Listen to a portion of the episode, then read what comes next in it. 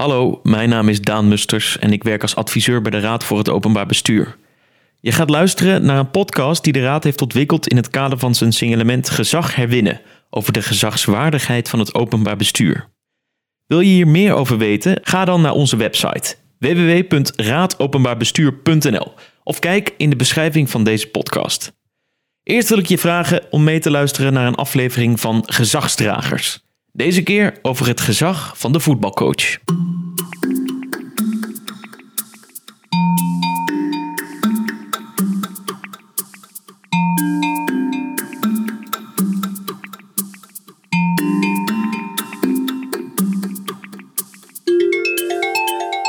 Gezag is in de hele samenleving minder vanzelfsprekend. Uh, en toch zijn er nog altijd mensen die we als gezagsvol zien. Bijvoorbeeld om wie ze zijn en wat ze doen of wat ze weten. Wat kan het openbaar bestuur daarvan leren om zijn eigen gezag te herstellen? Dat is de vraag die we in de podcast Gezagsdragers proberen te beantwoorden. En dat doen we door in gesprek te gaan met mensen met gezag of over mensen met gezag. En dat dan op verschillende terreinen van de samenleving. Vandaag doen we dat met uh, Steven Pont. Hij is ontwikkelingspsycholoog, systeemtherapeut en mediator. Uh, je zou hem kunnen kennen van zijn televisieoptredens of van zijn columns in het AD en het Parool. En ook uh, schreef hij verschillende boeken, onder andere over opvoeden en over hoe om te gaan met je collega's. maar vandaag gaan we het over iets anders hebben. We gaan het namelijk hebben over het gezag van de voetbalcoach met Steven. Um, Steven, ontzettend leuk dat je het gast wil zijn in de podcast. Ik doe het graag, leuk. Um, ik, ik zou met jou als uh, gezaghebbend psycholoog kunnen praten over het gezag van de psycholoog. Dat, zou, dat zouden, hadden we kunnen doen. Hadden we kunnen doen. We gaan het hebben over een andere kant van jouw bestaan. Inmiddels ben je uh, geen voetbalcoach meer, maar je hebt als voetbalcoach eh, gewerkt, jeugdvoetbalcoach. Ja. Kun je daar eens wat meer over vertellen? Wanneer was dit en, en wat, heb je precies, wat is precies jouw carrière geweest? Uh, nou, ik ben ooit begonnen als uh, tenniscoach van uh, het eerste gemengd van AMVJ, de tennisclub. En daarna kreeg ik zelf kinderen en toen ben ik voetbalcoach geworden. Dus eerst van het elftal, of toen nog hè, het elftal, maar er mogen er maar zeven in het veld staan. Maar van het zevental van mijn oudste en daarna het zevental van mijn jongste. We kunnen dus concluderen, je hebt jouw kennis over wat uh, de voetbalcoach doet, niet uh, alleen maar uit de boeken. Dus je nee. hebt dat zelf ook, ook meegemaakt. Ja. Uh, maar goed, ik kan me voorstellen dat jouw achtergrond als psycholoog ja. wel een rol heeft gespeeld daarbij. Ja, nou ja, en daarom werd ik toen op een, op een dag ook gevraagd door, door de KNVB om er een, een animatiefilmpje van te maken. En dat heb ik gedaan en dat. Nou, dat is heel veel uh, bekeken. Volgens mij is dat ook de manier waarop, je, waarop jij bij mij Ja, klopt toch? inderdaad. Ja. En... Uh, ja, want de KNVB, hoe kwam je met de KNVB in contact? Weet je dat nog? Uh, toen de, de, de, grensrechter werd doodgeslagen, een aantal jaar geleden, heb ik een stuk geschreven en dat heette Mijn Team en ik. En, maar ik ben dus dan de coach. En mijn team en ik, de, want ik dacht, dit is natuurlijk een groter probleem dan, dan alleen hier. Alleen hier is het echt tot een explosie gekomen. En ik vind dat voetbalcoaches niet alleen maar zich over voetbal moeten ontfermen, maar over nog meer dingen. Ja, want even voor de context, het is al best wel even geleden inmiddels. Ja. Maar er is toen op een gegeven moment inderdaad een, een grensrechter op ja. een amateurveld. Ik weet niet ja. precies waar het was, maar... Dat weet ik ook niet meer. Maar die is, maar die is, die is uh, overleden toen. Ja, die is doodgeslagen door voetbalspelers. Uh, nou, en door, dat is nu nooit heel, nou ja, er zijn mensen veroordeeld, ook als ik me goed herinner, ook de coach. Um, uh, en, dat, en dat was in de tijd dat ik zelf ook uh, langs het veld stond als trainer. En uh, toen heb ik dat, dat, dus, dus dat geschreven. En toen heb ik contact gelegd met, met de KNVB. En zo is het eigenlijk uh, balletje gaan rollen. Ja, en in dat filmpje waar je het over hebt, daar staat eigenlijk het gezag van de voetbalcoach. Precies. Staat daar centraal. Precies, ja. Want gezag is ook een centraal thema eigenlijk in jouw uh, denken als, als psycholoog, als ik het goed begrijp. Nou, het is wel een belangrijk thema, omdat, uh, omdat daar een, heel, een hele hoop achter vandaan komt. Dus het, het, het doet ertoe wat er gezegd wordt, voor een gedeelte, maar het maakt ook heel erg uit wie het zegt. En wat de positie is van iemand die het zegt. En of dat een gezagsdrager is of dat dat geen gezagsdrager is. Dat telt enorm op bij de, bij de boodschap. We gaan zo denk ik even wat dieper dat, dat begrip gezag in en, en proberen te verkennen vanuit, vanuit jouw Ja. perspectief. Het lijkt me interessant om eerst nog even stil te staan bij de actualiteit. Oké, We nemen deze podcast op op eh, 13 december. zo is het. Eh, afgelopen weekend is de WK-wedstrijd Nederland-Argentinië eh, gespeeld. Daar Ja. hebben wij de, de- nou ja, goed, de, de uitslag is bekend. Eh, maar het ging dit WK heel veel over Louis Vergaal, de voetbalcoach juist van het Nederlands Ja. elftal. En misschien nog wel wat minder over de spelers. En ehm, wij hebben als Raad voor het Openbaar Bestuur eh, onderzoek gedaan, veel gesprekken gevoerd over gezag. En een vraag die we dan vaak stelden van wie heeft er in uw ogen nou gezag? Ja. Er werd vaak Louis van Gaal genoemd. Oké. Ben je, het- vind jij Louis van Gaal ook iemand met gezag? Nou, ik denk dat zijn gezag naar binnen groter is dan zijn gezag eh, naar buiten. En daarbinnen bedoel je dan naar de spelers? Naar de spelers toe, ja. Dus eh, om meteen maar even naar de inhoud te gaan. Ik zie gezag als geaccepteerde macht. Dus iemand heeft macht, eh, maar ik accepteer die. En daardoor voelt het niet als macht, maar als gezag. En hoe maak je nou van macht gezag? Dat is door ook eh, eh, zorg een grote rol te geven in de relatie. En als je alleen maar macht vertoont, dan kweek je daarmee verzet. En, eh, en, en, is ook niet zo dat iemand... Macht is heel naar om te hebben. Macht is helemaal niet leuk. Omdat, stel, jij hebt een leidinggevende... en die gemaakt drie keer per week van zijn macht gebruikt... dan denk jij niet, ik heb een krachtige leidinggevende. Dan denk je, ik heb een krachteloze leidinggevende. Dus macht, we weten allemaal dat je het hebt... maar als je het inzet, dan bouwt het niet op aan je gezag, vreemd genoeg.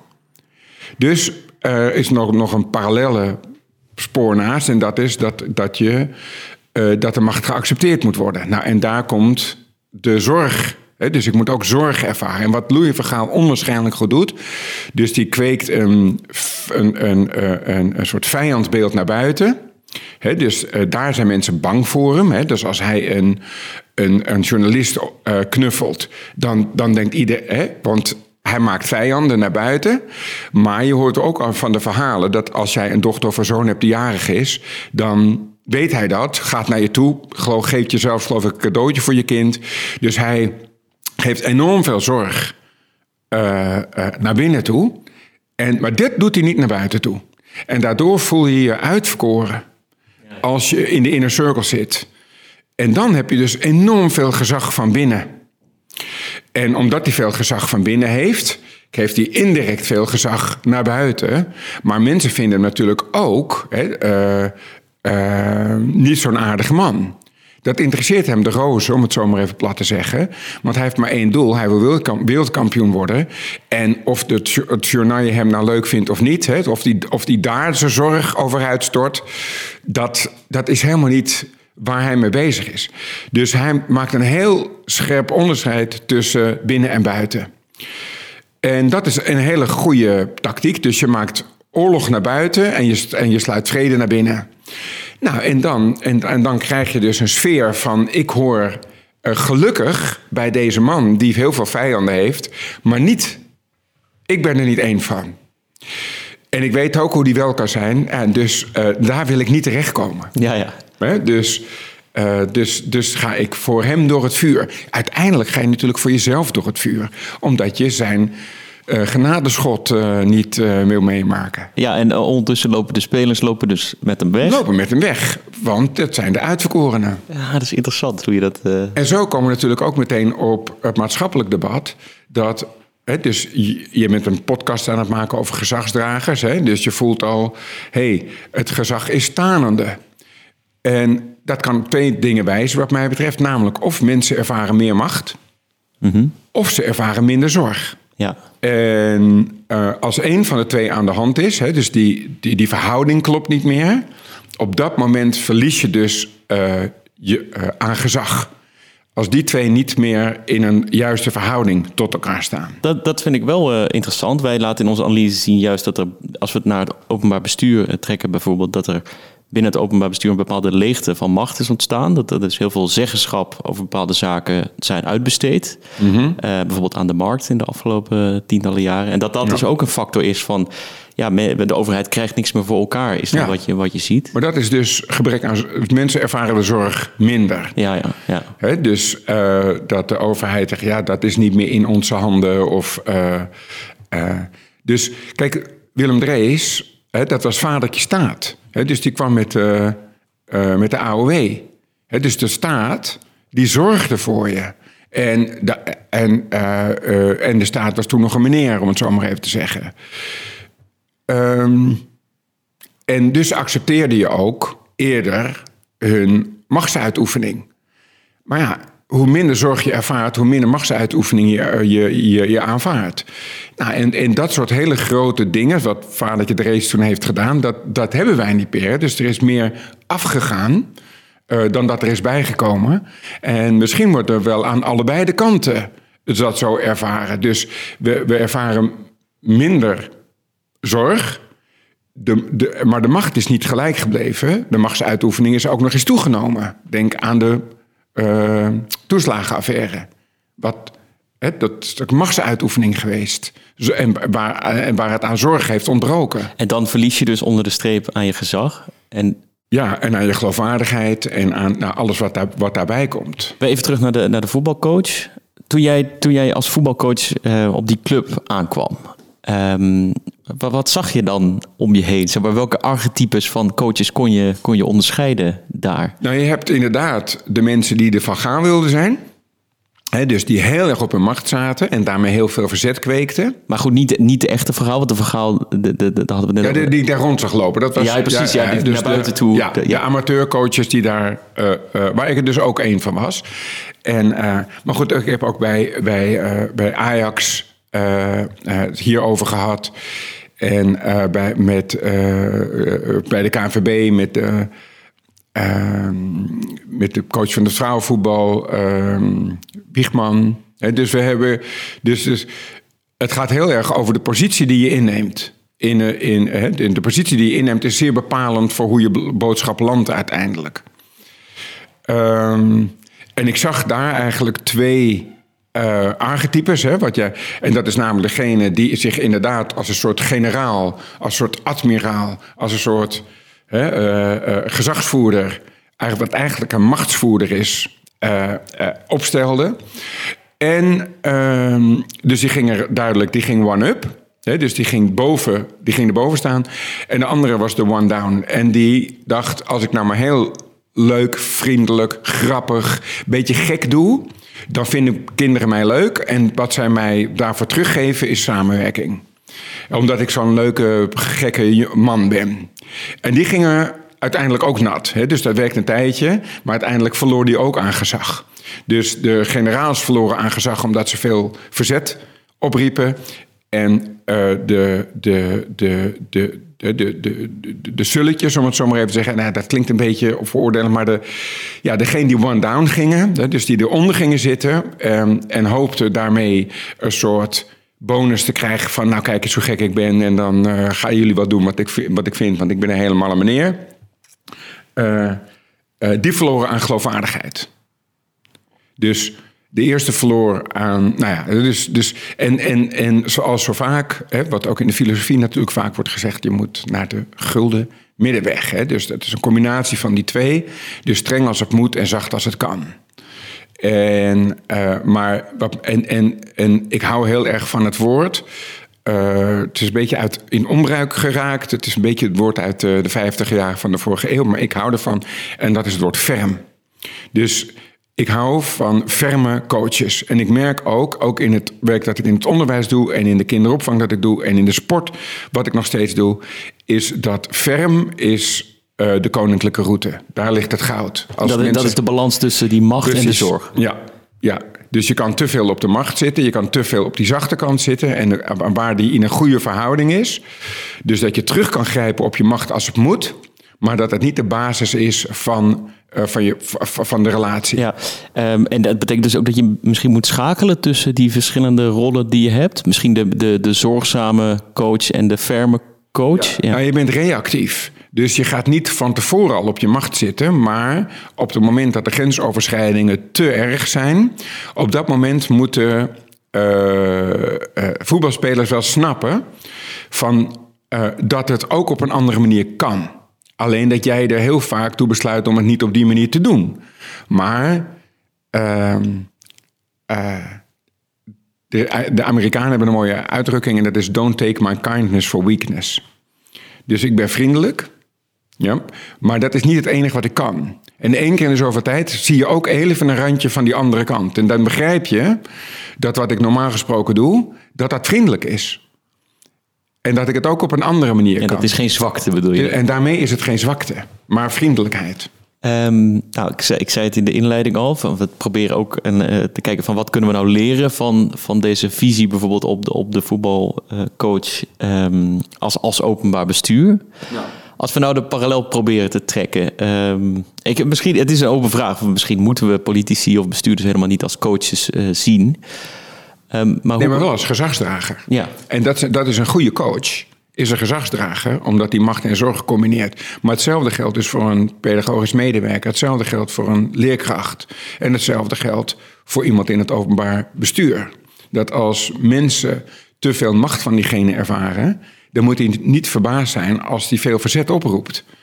Maar dat is vooral op het moment dat er, dat, dat, dat er te veel vanuit dat vaatje wordt getapt. Kijk, wij, wij, zijn, wij zijn geen hiërarchisch ingestelde samenleving. Wij zijn een symmetrische samenleving. Dus uh, Godfried Bomans uh, uh, heeft ooit gezegd: we zijn, een, we zijn een plat land en zelfs het landschap houdt daar rekening mee.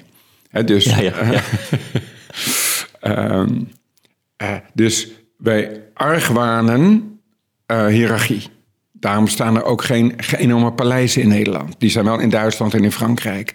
Dus wij, wij zijn een, een, plat land wat dat betreft. Als je, als je gaat kijken wat ons paleis, het Paleis Soesdijk, dat dat ons paleis is toen, de, toen het nog paleis was, nou, daar lag het buitenland zich natuurlijk een hoedje om. Want de eerste beste multimiljonair woont in een soortgelijke woning. Ja. dus Versailles of nou, in Duitsland schiet het ook al. dus je kan hier, zie het ook overal om je, uh, uh, om je heen. Dus wij zijn, wij argwanen macht. Wij argwanen macht. dus ook als je gaat kijken als een, als een Duitse of een Franse leraar het lokaal binnenkomt dan is het niet, echt niet hey Joop. Of uh, dan is soms staan ze zelf nog op en zeggen uh, bonjour monsieur le professeur. Of, dus dat is echt een hiërarchisch ingestelde maatschappij. Veel meer dan wij dat zijn. En dus worstelen wij daarmee. Want aan de ene kant willen we dus die symmetrie. En aan de andere kant heb je af en toe die hiërarchie nodig. Nou, dat is een heel ingewikkeld spanningsveld. En dus voor voetbalcoaches maar goed, dat, dat is natuurlijk het kijkgaatje naar, naar gezagsverhoudingen. Dat begrijp ik. Maar, uh, maar dat is dus uh, eigenlijk uh, over de hele breedte is dat zo. Ja, want je, je, de balans tussen macht en zorg, die moet je als gezagsdrager proberen te vinden. Ja. Maar het vraagt ook iets van de, van de ontvangende partij, als het ware. En, nou ja, en wat vraagt het van de ontvangende partij? Nou, een bepaalde houding, een accepterende houding, zou ik willen zeggen. Ja, nou, of een interpretatie dus hoe, hoe interpreteer ik datgene wat er gebeurt? Is het nou macht of zorg eigenlijk? Want zo, we komen nu ook meer in de haarvaten terecht. Want jij kan iets als zorg uh, verzenden, uh, maar het kan als macht worden ontvangen. En dan denk je, ja, maar ik heb gezorgd voor je. Dat, nee, je hebt macht over mij uitgeoefend. En daar wordt het natuurlijk ingewikkeld. Dat, um, en daarom is communicatie natuurlijk altijd hè, de, de olie van de relatie. Is dat je uh, de beweegredenen vertelt waarom je iets doet. En het niet alleen maar doet, maar ook vertelt waarom je het doet. En dan hoop je dat het aan de overkant als goede zorg wordt ontvangen en niet als macht. Ja, want bijvoorbeeld, nou, we noemen een, uh, misschien kunnen we een voorbeeld noemen uit het openbaar bestuur. Uh, windmolens, dat is dat roept vaak verzet op bij mensen. Ja. Dat wordt, in de buurt wordt een windmolenpark gebouwd vanuit het openbaar bestuur wordt misschien geredeneerd, nou, dit is goed voor ons. Dit is een, een, wij moeten de energietransitie in het naam van het algemeen belang gaan maken. Dat is een vorm van zorg, zou je kunnen zeggen. Ja. En toch wordt het door de mensen die daar in de buurt wonen, die misschien uitkijken op die windmolens, echt als, als een, een, vorm van macht ervaren. Ja. ja. Nou, wat vraagt dat dan van een bestuurder bijvoorbeeld om dat, om dat tot een goed, goed eind te brengen? Hoe, hoe krijg je die, die ervaringen bij elkaar? Dat is communicatie als ik je. Ja, ja. Het is een, een, een, denkfout en die kom ik ook wel op andere gebieden tegen. Uh, en dat is uh, echt iets willen snappen waarom iemand iets doet of zegt. Als je daar werkelijk in gaat verdiepen, dat mensen het idee hebben in de omgeving: hé, maar als je er zo in verdiept, dan kun je het dus ook goed. En dat is niet uh, aan de hand. Hè. Dus we was laatst op een school en we hebben net die rellen gehad uh, toen Marokko voor een ronde verder ging. En dat was notabene een, een leerkracht. En, die, die, en die was daar heel fel op. En toen vroeg ik aan hem, maar begrijp je het? Begrijp je waarom ze dat doen? En zei hij, nee, nee, begrijp het niet. Zeg maar, ben, ben je benieuwd? Nee. En dat snap ik niet. Want hij ging dus in de fout, oké, als ik het wil snappen, van waarom gebeurt dat? Dat, dat dan het, het, het, het, het mannetje goedkeuring um, samen met je mee oploopt. En dat is, die kan je, dat is helemaal niet aan de hand. Dus ik keur het nog steeds af, uiteraard. Maar als je werkelijk wat wil doen en denk, hé, hey, wat, welke dynamieken spelen daar waardoor uh, dit gebeurt? Nou, en dan kan je ze nog steeds oppakken. Je kan nog steeds alle machtsuitoefening die tot je beschikking staan. Wat het zorg is voor de rest van de maatschappij en de winkeliers en wat dan niet natuurlijk. dus, de, dus dat is goed. En tegelijkertijd ontslaat dat je, wat mij betreft, niet van goed luisteren. En niet denken, ja, maar als ik goed ga luisteren, dan denkt de ander dat ik dan ook om zal slaan. Nee, dat betekent het helemaal niet. En dat zie je ook bij, uh, op scholen en ook bij, bij, uh, op voetbalvelden. Dat als je het uitlegt, en, maar er moet wel iets gebeuren wat niet leuk is, maar je legt uit waarom het moet gebeuren, dan creëer je veel meer uh, samenwerking. En ook eigenlijk samenleving, in de letterlijke zin. dan, dat, dan dat je dat niet doet. En waartoe stelt dat luister je dan in staat, zeg maar, als je dat Dat de ander zich gehoord voelt. Dus of jij je gehoord voelt... Stel, um, ik, uh, moet jou, ik ben een dokter. Ik moet jou een injectie geven. En ik Jens in één keer, die, die spuit in je arm. En jij gaat weg. Ik zeg, oké, okay, dat is scène 1. Scène 2 zeg ik, Daan, ik, uh, ga, dit, dit doet even pijn. Maar het is noodzakelijk, dat weet je. Maar, en je, krijgt, je hebt ook nog twee dagen een, een, een, eh, stijve arm waarschijnlijk. Misschien drie, maar daarna is het over. Uh, en het doet even pijn. Ja, ben je er klaar voor? Paf. Dat, qua injectie is dat precies hetzelfde. He, dus het technische gedeelte is precies hetzelfde. En toch zul jij je anders naar mij kijken. Uh, en misschien ook wel de pijn anders ervaren daarmee. En de drie dagen stijve arm, wat ik in het eerste geval niet heb verteld, maar in het tweede geval wel heb verteld. Dus er gebeurt hetzelfde in de praktische wereld, maar er gebeurt in de relationele wereld gebeurt er niet hetzelfde. Nou, en hoe kijk jij nu naar mij en, naar een eventueel volgende injectie? Dus je voelt dat, dat datgene wat moet gebeuren is één pakketje, maar de manier waarop dat gebeurt is het andere pakketje. En, en nu hebben we een voorbeeld genoemd eigenlijk van um, waar macht wordt ervaren als, als zorg. Het kan ook uh, nee, waar, waar zorg wordt ervaren als, als macht. Vanuit het perspectief van de gezagsverle- uh, gezagsdrager, om het zo maar te zeggen. Het kan natuurlijk ook andersom. Dus dat je, dat je, dat je misschien kunt beargumenteren van... nou, er wordt vooral zorg gegeven aan de samenleving... maar de fermheid ontbreekt. Ja, ja maar dan gaat het meestal over anderen. Wat bedoel je? Nou, dan vinden we dat... Uh, hè, dus Job Cohen zei ooit, hè, dus we moeten thee drinken. Ja. En dat werd hem kwalijk genomen. Want wat was zorg? En, uh, uh, en zij zagen his kindness as weakness. He, dus dat hij te slap was om op te treden. En hij, dat was meer zijn, daarom is, is, is de politiek uiteindelijk niet iets voor hem geworden. Omdat uh, hij is van de zachtere relaties. En de politiek is natuurlijk meer van de hardere relaties. Over, he, dus... Uh, en toen is zijn, inderdaad is zijn zorg als machteloosheid uh, geïnterpreteerd. En tegen beeldvorming is het heel moeilijk vechten. Dus het is niet wat er gebeurt, maar het is de beeldvorming daaromheen. En daarom is de communicatie daaromheen dus ook zo belangrijk. Denk aan die injectie die ik in jouw arm stop. Dan is een deel is de injectie en de rest is allemaal communicatie. En die communicatie die framet de manier waarop jij uh, die, die, die, injectie ervaart. Ja. Uh, tot slot nog even nog één keer terug naar jouw carrière als voetbalcoach. Um, carrière klinkt wel heel Ja, dat klinkt wel goed. Hè? Ja, klinkt goed. Ga door, ga door. Um, nou, we hadden het er net over van hoe heeft jouw uh, kennis van de, van de psychologie bijvoorbeeld uh, jouw trainen beïnvloed? Maar heeft dat coachen jou ook iets geleerd misschien over... of misschien voor je andere praktijk, zeg maar? Voor je, voor je, andere, voor je andere werk? Of misschien de, de manier waarop je um, naar gezagsrelaties kijkt? Nou, ik, ik ben ooit begonnen als onderwijzer... En daarna ben ik ontwikkelingspsycholoog geworden en heb jarenlang gewerkt met hele moeilijke jongetjes en meisjes. En nog steeds indirect of direct. En, uh, uh, en uh, die hebben heel veel macht ervaren. Die hebben heel veel macht ervaren, zijn uit huis geplaatst. En, uh, dus die hebben zich afgesloten uiteindelijk. Die hebben zich afgewend.